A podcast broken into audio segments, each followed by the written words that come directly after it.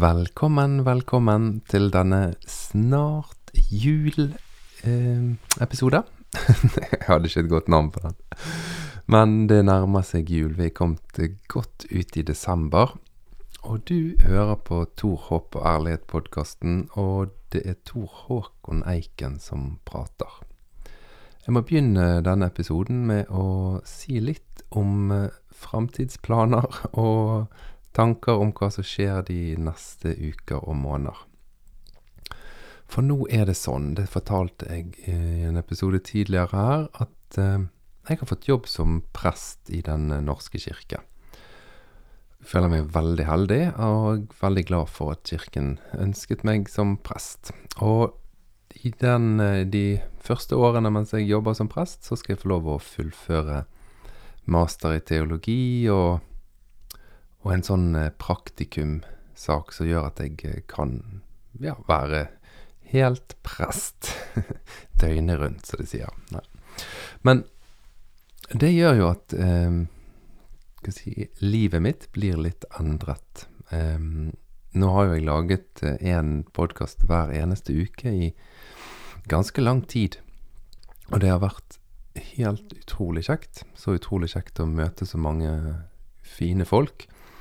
Og så utrolig kjekt å få tilbakemeldinger fra dere som lytter, både med spørsmål og kjeft og ros. Det har vært helt strålende.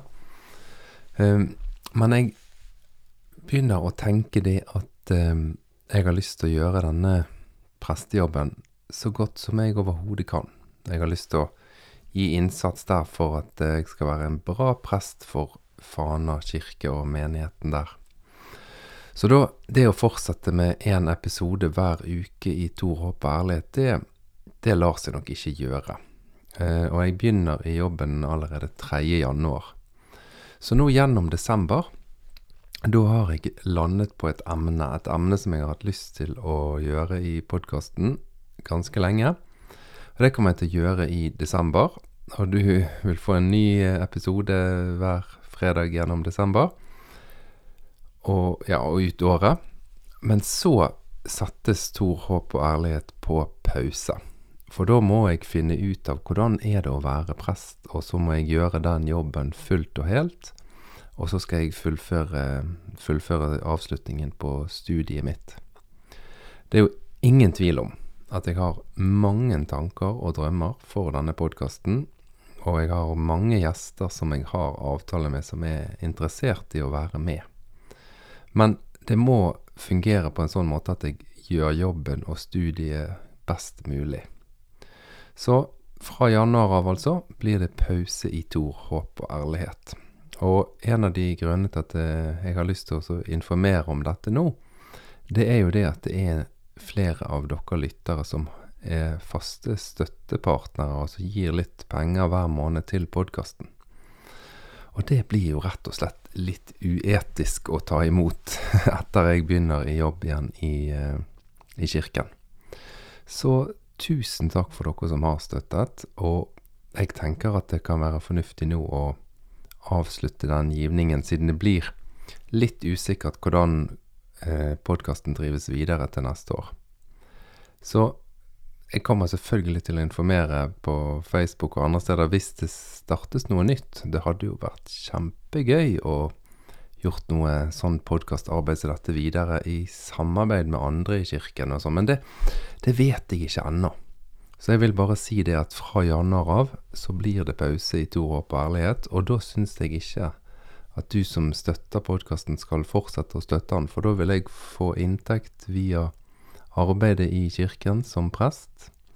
Og da tenker jeg at kanskje at disse kronene som du nå har gitt til Tor Håp Ærlighet, det kan du gi til Kirkens Nødhjelp, eller Leger uten grenser, eller noen sånne ting. Men tusen takk for at du har støttet. Det har jo gjort at jeg har kunnet holde på med dette nå i et par år parallelt med studier, og det, det er jeg utrolig glad for. Ja, men vi er ikke ferdige ennå. For det som vi skal gjøre nå, i noen ganger fremover. Det, det har vært en bok som har vært stor glede for meg, og spesielt i en periode der jeg nærmest ikke klarte å forholde meg til denne bibelen. Eh, det begynner å bli noen år siden nå. Da var det én bok i Bibelen som ga mening, selv om jeg følte at resten av bøkene ga lite mening, og det var vanskelig å lese og vanskelig å be. Og. Men da ga denne boken som vi skal nå jobbe med frem mot jul, den ga mening. Og før vi går i gang, så vil jeg si en ting som er viktig å ha med seg i historielesning. Og det er det at det er ikke alltid de beste samfunnene som vinner. Hva mener jeg med det? Ja, det er ikke alltid sånn at de som har en utviklet moral og etikk, blir de folkene som overlever. I historien er det ofte tvert imot. Det er ofte de kulturene som da har prioritert vold og våpen og hardhet, som kanskje overvinner et folk som kanskje har utviklet logikk og fornuft og empati og etikk og moral og tanker som vi egentlig nyter godt av i dag, men folkene som jobbet og utviklet disse tankene, de ble inntatt av mer barbariske og enkle kulturer. For det er av og til sånn at vold og makt overvinner visdom og klokskap. Det må vi ha med oss når vi leser historie. Det er ikke sånn at den rikeste delen av verden nødvendigvis i den delen av verden som har hatt best moral og etikk. I historien ser vi ofte at det er kulturer som har godt utviklede lovsystemer og godt fungerende samfunn, som blir inntatt og kringsatt av mye mer barbariske stammer. Ja, der er eksemplene så mange, men det, skal ikke vi bruke tid på nå. Men det er ingen tvil om at en kultur og en tradisjon og en arv som jeg gjennom det lille jeg har lest av historier, får mer og mer respekt for, så er det den jødiske kulturen. Men det er jo få folkeslag som har måttet tåle, og som har overlevd så ufattelig mye undertrykkelse som nettopp jødene. Jødenes gud, der tenkte jo jødene, og tenker fortsatt Ja, jeg skal ikke si at alle jøder tenker sånn, men i Bibelen, i den jødiske bibelen finner du en tradisjon som sier det at eh, når det går bra med oss, så går det bra fordi at vi følger Gud. Men når det går dårlig, så er det fordi at vi har veket av fra hans veier. Det var en ganske sånn annerledes tanke enn veldig mange andre samfunn på den tiden. For da var jo det sånn at hvis guden din ikke kunne støtte deg og hjelpe deg, så måtte du kanskje bytte gud, da. For da var jo ikke den guden bra nok. Men i en eh, jødisk tradisjon så ville det nok være at vi ikke var bra nok. Så jødenes gud har overlevd ganske mange forferdelige situasjoner med en tanke om at det er vi som har gjort noe feil. Og kanskje det er en sunn tanke å ha med seg. Det skal ikke jeg avgjøre nå. Men dette er tanker som kan være greit å ha med seg når vi nå skal inn og lese en bok som ga meg mening i en litt vanskelig tid. Og jeg tenker også at denne boken som vi skal inn på nå, den er bra for oss nordmenn å lese nå, frem mot jul.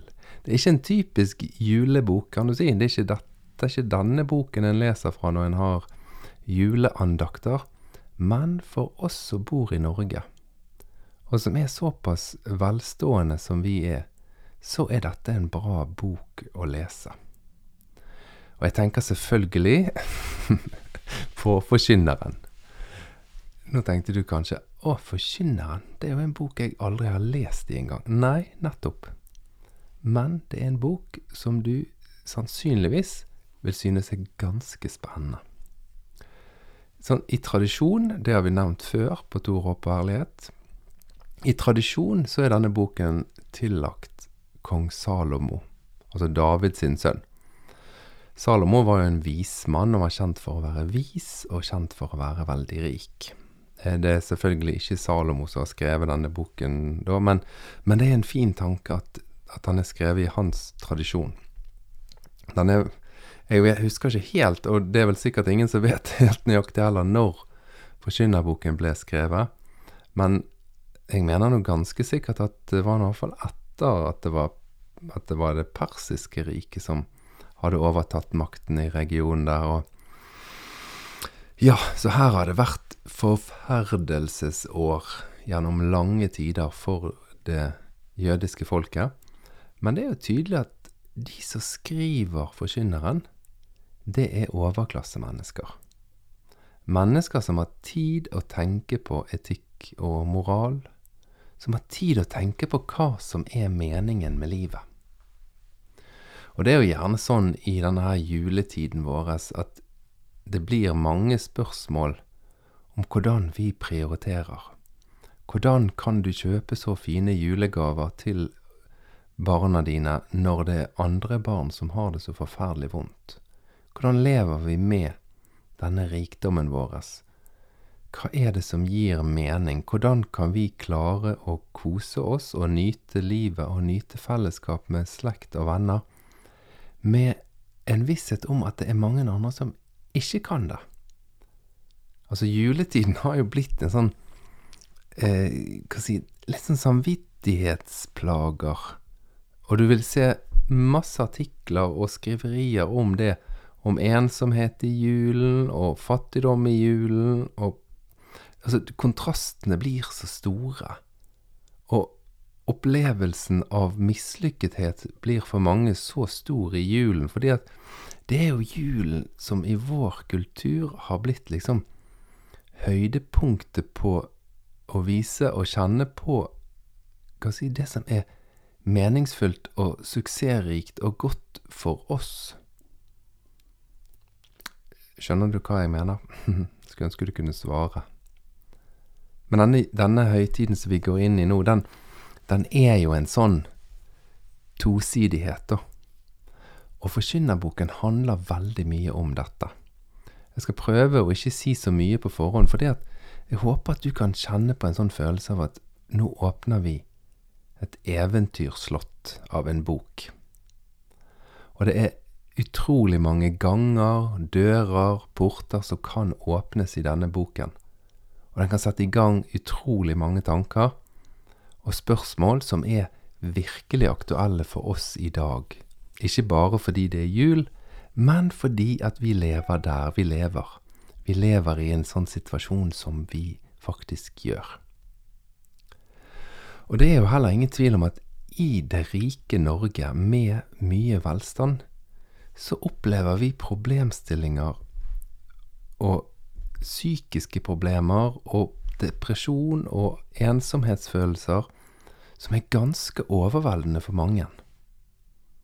Og det er han her eller de, eller hun, eller den som har skrevet Forkynnerboken, de kjenner på det samme. Og det er jo sannsynlig at det er snakk om 2500 år siden at dette ble forfattet, og at dette ble en kultur, denne her Forkynnerboken. Den passer veldig sammen med sånn greske filosofer som skriver visdom og prøver å formulere kloke ord som sier mye bare i løpet av et par setninger. At den er blitt til i en eller annen sånn kultur og en sånn sammenheng, virker veldig sannsynlig. Noen som ønsker å uttrykke kjernen av livets utfordringer og gleder. Ja, nå skal jeg lese litt, og så klarer jeg nok ikke helt å la være å kommentere underveis. Men jeg håper vi skal få lest en god del av disse kapitlene nå i løpet av desember. Det er faktisk bare tolv kapitler i Forkynneren. Så det er en sånn bok som du kan lese ganske raskt, og så er det en sånn bok som du kan bo i gjennom uker og måneder, og fremdeles ikke helt kjenne at du har kommet til bunns. Her er det så mange ganger, og porter og dører, som jeg sa, som går an å åpne og lukke og banke på og leite og kjenne seg frem, og kjenne at det gjør noe med din forståelse av hva som er viktig, og hva som er godt, og hva som er sunt å prioritere. Før vi leser, så må jeg bare fortelle én ting til, som jeg også tror jeg har nevnt her på podkasten tidligere. Jeg leste en sånn fortelling fra en, en sånn jødisk tradisjon, der det er to lærde som krangler om hva som er rett forståelse av et av noen bibelvers, noen vers fra den jødiske bibelen. Og til slutt så blir Gud så lei av den kranglingen at Gud sjøl understreker og viser hvem av de som har forstått det riktig. Men da blir de sint på Gud og sier, men loven, Gud, den er ikke i himmelen lenger. Du har gitt den til oss, så det er vår jobb å utvikle og forstå og gå inn i alle ganger og veier og se på alle svarene og alle spørsmålene og alle tankene som loven bringer opp. For dette er vår jobb å utvikle god etikk og moral. Og noen ganger så lurer jeg på om jødene virkelig har fått smertefullt erfare at når du prioriterer å utvikle god lov, god etikk, god moral, et godt samfunn for flest mulig, så blir du rammet av mye mer barbariske kulturer. Akkurat som den muslimske kulturen på 700-800-900-tallet, som var så opptatt av filosofi men når europeerne, altså vi, begynte å bli mektige, så var vi en mye mer barbarisk folkeslag som knuste de og kastet de ut av Syd-Spania og andre steder. Altså de som prioriterer våpen og militærmakt over logikk og filosofi og etikk og moral, de vinner ofte krigene. Og mange ganger tenker jeg at dette er noe jødene har erfart mye av. Hvis de prioriterer å bygge et godt samfunn, så kan en fort bli et bytte for andre. Det er et paradoks som vi ikke skal bruke tid på nå, men du fikk det som en sånn bonustanke, så du kan ta med deg inn i det nye året. sånn som dette begynner forkynnerboken. Ord av forkynneren. Sønn av David og konge i Jerusalem. Forgjeves, sier forkynneren. Forgjeves og forgjengelig. Alt er forgjeves. Og det ordet forgjeves og ordet forgjengelig, det må du ha med deg når vi leser her, for det kommer igjen og igjen. Og det kan oversettes nesten som pust eller vanndamp. Altså alt det som en pust eller en vanndamp eller en mist, ville de kanskje sagt på engelsk. Jeg mener han Rob Bell bruker ordet mist når han snakker om forkynneren. Altså en liten sånn dusj av et dygg som bare forsvinner for solen. Det er det som er ordet her. Altså alt er forgjeves, sier han. Hva har mennesket igjen for sitt strev, for alt det strever med under solen?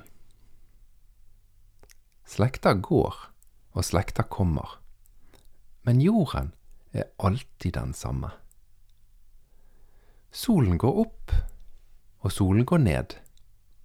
Så lengter den tilbake, til stedet der den går opp. Den skinner og vandrer mot sør. Så vender den og vandrer mot nord. Mens vinden snur og skifter og tar fatt på sin rundgang igjen. Alle elvene renner ut i havet, men havet blir ikke fulgt. Dit elvene før har rent, fortsetter de å renne. Alle ting går sin strevsomme gang. Menneskets ord strekker ikke til. Øyet blir ikke mett av å se, og øret blir ikke fullt av å høre. Det som har skjedd, skal atter skje og det som ble gjort, skal gjøres på nytt. Intet er nytt under solen.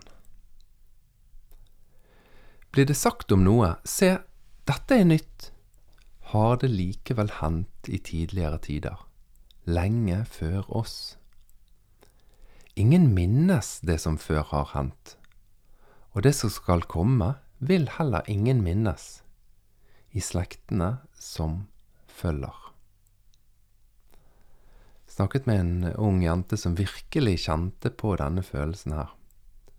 Hun var midt i studiene sine, eller begynt på studiene sine, og jobbet eh, kveldstid i tillegg til studier, og slet med å få alt til å henge sammen. Sant? En var begynt på et studie, kjente det var ganske overveldende, og jobbet på kveldstid for å ha penger til å betale husleie. Og kjente på denne meningsløsheten som forkynneren er så vidt innom her. Sier hun til meg at ja, men er det sånn det er? Skal jeg bare jobbe og jobbe og jobbe og jobbe nå? Jeg har ikke tid å møte venner engang. Jeg går rett fra jobb, nei, rett fra skole, studiested, rett til jobb. Jobber for å ha råd til å studere. Og hvorfor studerer jeg? Jo, det er for å få en jobb, sånn at jeg har råd til å kjøpe denne maten. Og så, og så er det liksom det som er livet. Skal det bare gå rundt og rundt og rundt, og, og så skal jeg prøve å få dette livet til å gå i hop, og kanskje få et barn sjøl som igjen skal overta akkurat det samme strevet. Det er litt sånn som man sier her, at elvene bare renner og renner og renner, og havet blir ikke fullt. Ting går igjen og igjen og igjen og igjen, og denne forkynneren kjenner på det. Det er masse å si om disse versene. Prøv å sette deg ned og les og tenk og kjenn, og la fantasien og følelsene strømme. Åpne noen dører og bli litt lenge inne i ett vers. Blir det sagt om noe, se, dette er nytt, så har det likevel hendt tidligere, lenge før oss. Det er tanke som er verdt å ha med seg, for den kommer opp igjen seinere.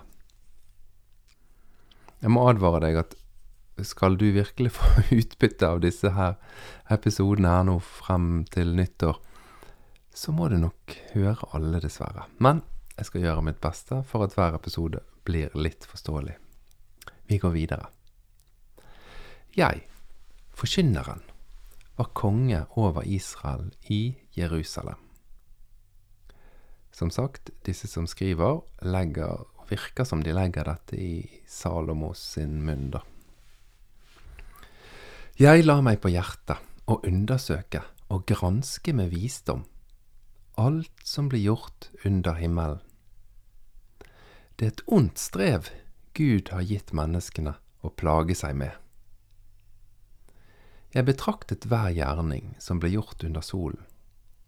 Se, alt er forgjeves, som å gjete vinden. Tenk det, du, være gjeter for vinden. Det som er kroket, kan ingen rette opp. Det som mangler, kan ingen telle. Jeg sa i mitt hjerte, se, jeg har vunnet større visdom enn noen som har hersket i Jerusalem før meg. Mye har jeg lært å kjenne av visdom og kunnskap. Jeg la meg på hjertet å lære hva som er visdom, og hva som er dårskap og uforstand. Da fant jeg at dette er som å gjete vinden. For med stor visdom følger store kvaler. Den som øker sin kunnskap, øker sin smerte. Når jeg leste dette, så kjente jeg at jeg ble dratt tilbake til skapelsesfortellingen. Nærmere bestemt den episoden der mennesket tar til seg av kunnskapens tre. For med stor visdom følger store kvaler. Den som øker sin kunnskap, øker sin smerte. Noen ganger så virker det nesten som at det hadde vært bedre å ikke vite. Ikke kjenne forskjell på godt og ondt. Vært som andre dyr, som ikke tenker på morgendagen, som ikke tenker på etikk. Som ikke tenker at oi, nei, nå må jeg dempe mitt forbruk sånn at andre kan øke sitt og få en annen levestandard enn det de har. Det er ikke greit at jeg har nok mat når andre ikke har nok mat. Altså, en kjenner ikke til godt og ondt. Tenk det at i poesien som prøver å beskrive skapelsen helt i starten av Bibelen, så er det det som er kjernen i problemstillingen. At vi mennesker, vi har mulighet til å tenke hva som er godt, og hva som er ondt. Og her sier denne forkynneren, med stor visdom følger store kvaler. Den som øker sin kunnskap, øker sin smerte. Ja, så kanskje vi skulle bare forblitt da i uvitenhet og ikke tatt til oss kunnskap. Kanskje vi ikke skulle lest nyheter, kanskje vi ikke skulle lest historie og lært at vår kristne europeiske kultur er en undertrykkende og dominerende kultur som har skapt mye smerte. Kanskje det vært bra å ikke vite det, bare kunne leve i enfoldighet og enkelhet, og ikke økt smerten ved å ha kunnskap. For med stor visdom følger store kvaler. Den som øker sin kunnskap, øker sin smerte. Og dette er jo i en bok som er skrevet for å fremme visdom. Hm. Tenk på det. Vi leser litt til. Nå er vi kommet til kapittel to. Jeg sa i mitt hjerte, gå nå og prøv gleden, og nyt det som er godt. Men også dette var forgjengelig. Om latteren sa jeg, den er en narr, og om gleden, hva tjener den til? Jeg bestemte meg for å la kroppen nyte vin, mens hjertet ledet meg med visdom. Jeg ville prøve dårskapen, helt til jeg forsto hva som er godt for menneskene den korte tiden de lever under himmelen. Altså, her er det en person som har ressurser til å bare Ja, han som han skriver her, eller sier her, at 'jeg vil bare drikke og feste og dyrke gleden', prøve dårskapen. Bare la, la alt gå sin gang, og ikke ha noen moralske rammer. Og det syns jeg er veldig spennende. For denne boken her, den kan leses både for privatperson, meg, som meg en enkeltperson, men jeg kan også se den i en sånn samfunnsmessig sammenheng. Det er jo mange epoker i ulike samfunn der vi har tenkt det at det å bare kaste av seg alle begrensninger Kristendommen lager sånne rammer som kveler livet. Altså, det er tanker du har hørt, sant? Det gjelder bare å rive av seg alle begrensninger og alle, all moral og etikk som skal hindre livsutfoldelse. Den må vi kaste av oss. Og det er det forkynneren Iallfall én liten side av alt som blir sagt i dette kapitlet, så sier han det. Det er det han prøver på. Hør nå. Så satte jeg, så satte jeg store ting i verk. Jeg bygde hus og plantet vinmarker. Jeg anla hager og parker, og plantet alle slags frukttrær i dem. Jeg bygde dammer for å vanne lunder med frodige trær. Altså, hvem har ikke kjent på det, og hvem har ikke sett at andre holder på med akkurat dette? Pusser opp, bygger ut, kjøper nytt, lager nye prosjekter, eh, tjener mer penger, eh, bygger nye firma. Så sier han her forkynneren det som han sier, at jeg skal bare prøve om det. Nå har jeg prøvd dårskap. Nå har jeg prøvd å bare drikke og feste og filosofere og la visdommen komme til hjertet mitt mens jeg drikker. Og... Men nå skal jeg prøve en annen vei. Nå skal jeg prøve å bygge og plante og øke rikdommen min. Så kommer det et vers her som ikke er så lett å forholde seg til i dag, men som har vært en vanlig tanke gjennom alle tider. Jeg kjøpte meg slaver og slavekvinner. Jeg hadde slaver som var født i mitt hus. Jeg skaffet meg mer storfe og småfe enn noen hadde hatt før meg i Jerusalem. Jeg samlet meg sølv og gull og kongelige skatter fra andre riker. Jeg holdt meg med sangere og sangerinner og det som er mennenes lyst, kvinner og atter kvinner. Jeg ble stor i makt og rikdom ja, større enn noen som hadde levd i Jerusalem før meg. Men visdommen beholdt jeg. Jeg sa ikke nei til noe av det mine øyne begjærte. Jeg nektet meg ingen glede. Ja, hjertet gledet seg over alt mitt arbeid. Det var lønn for mitt strev. det er jo litt spennende. Vi kan jo kjenne når vi kan nyte lønn for vårt strev, så gir jo det en viss glede. Men han sier her at jeg sa ikke nei til noe av det øynene begjærte. Jeg nektet meg ingen glede. Kanskje det ligger noen undertoner her av at balanse er et ord som mangler.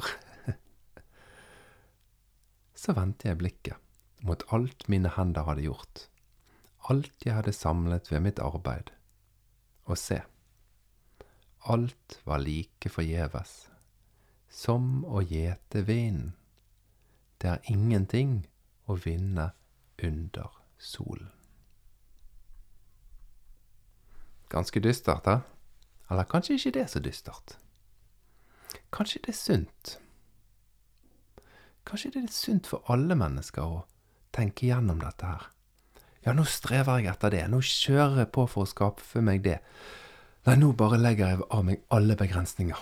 Nå er jeg utro, nå lever jeg livet, nå styrer jeg på. Nei, det var visst ingen glede i noen av de veiene. Ja, men å bare sitte og gjøre ingenting, da? Ja, det kommer kapitler om det også i denne boken. Altså vers 11. Så vendte jeg blikket mot alt mine hender hadde gjort, alt jeg hadde samlet ved mitt arbeid, og se, alt var like forgjeves som å gjete vinden. Det er ingenting å vinne under solen. Jeg vendte blikket mot visdom, mot uforstand og dårskap. Hva kan den gjøre som kommer etter kongen? Ingenting annet enn det som er gjort før han. Jeg så at visdom er bedre enn dårskap, slik lyset er bedre enn mørket. Den vise har øyner i hodet, mens dåren går omkring i mørket. Kanskje han mener at det er bedre at vi har kunnskap om godt og vondt, enn å ikke ha det? Jeg vet ikke.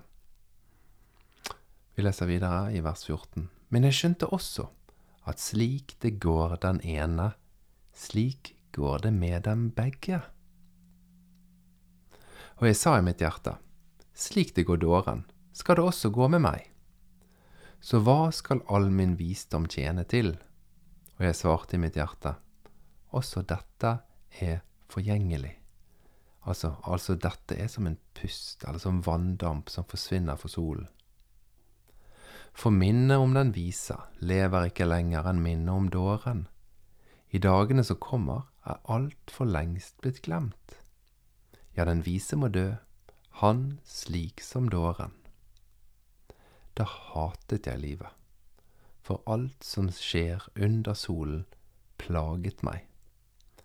Alt er like forgjeves som å gjete vinden. Jeg hatet alt jeg hadde strevd og arbeidet med under solen. Alt må jeg overlate til den som kommer etter meg. Hvem vet om det blir en vis eller en dåre som skal herske over det jeg har vunnet med mitt arbeid og min visdom under solen? Også dette er forgjeves. Da ble jeg grepet av fortvilelse i mitt hjerte over alt jeg hadde arbeidet og strevd med under solen. For en mann kan vinne mye med visdom, kunnskap og dyktighet, men må likevel gi det i arv til en annen som ikke har hatt noe strev med det. Også dette er forgjeves. En ulykke er det. Hva har mennesket igjen for alt sitt arbeid, alt hjertet jager etter, for alt det strever med under solen? Alle menneskets dager er fulle av smerte, og alt det driver med, bringer sorg. Ikke engang om natten faller hjertet til ro. Også dette er forgjeves. Wow. Det er ganske tunge tanker, men òg ganske gode tanker. Kanskje noen av dere har tid til å sette seg ned med en bibel samtidig som vi leser igjennom dette og så følge litt med, og se på dette, denne teksten med øynene dine samtidig som jeg leser. For det, det er ikke så dystert som det føles som når du leser det noen ganger. Du får en mye mer sånn følelse av at oi, ja, dette her peker han på noe som er verdt å tenke igjennom. Men bare for at ikke vi skal liksom avslutte denne episoden helt på bunn, så skal vi lese bitte litt til. Vers 24 i kapittel 2. Ingenting er bedre for et menneske enn å spise og drikke og unne seg gode dager, midt i alt sitt strev. Men jeg fikk se at også dette kommer fra Guds hånd. Så det avslutter vi med. Det er ingenting som er bedre for et menneske enn å spise og drikke og unne seg gode dager, midt i alt sitt strev. Strev og hvile, mat og drikke, arbeid, slit, fridager, hviledager, arbeidsdager Det henger sammen. Og det ene gir ingen mening uten det andre. Men vi skal jobbe mye videre, eller jobbe, gå videre i denne teksten de neste ukene. Og jeg tror at du vil kjenne at dette er tekster som gir mening i 2021 i en førjulstid. Men dette blir litt som en sånn kalender. Så vi avslutter her og lar spørsmål og følelser være akkurat der de er. Vi høres igjen neste fredag klokken 07.00. Tenk på det, du.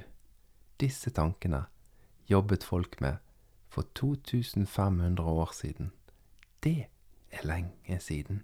Det er langt tilbake i historien. Og vi jobber fortsatt med de samme følelsene. Haha, det er inspirerende. Vi snakkes!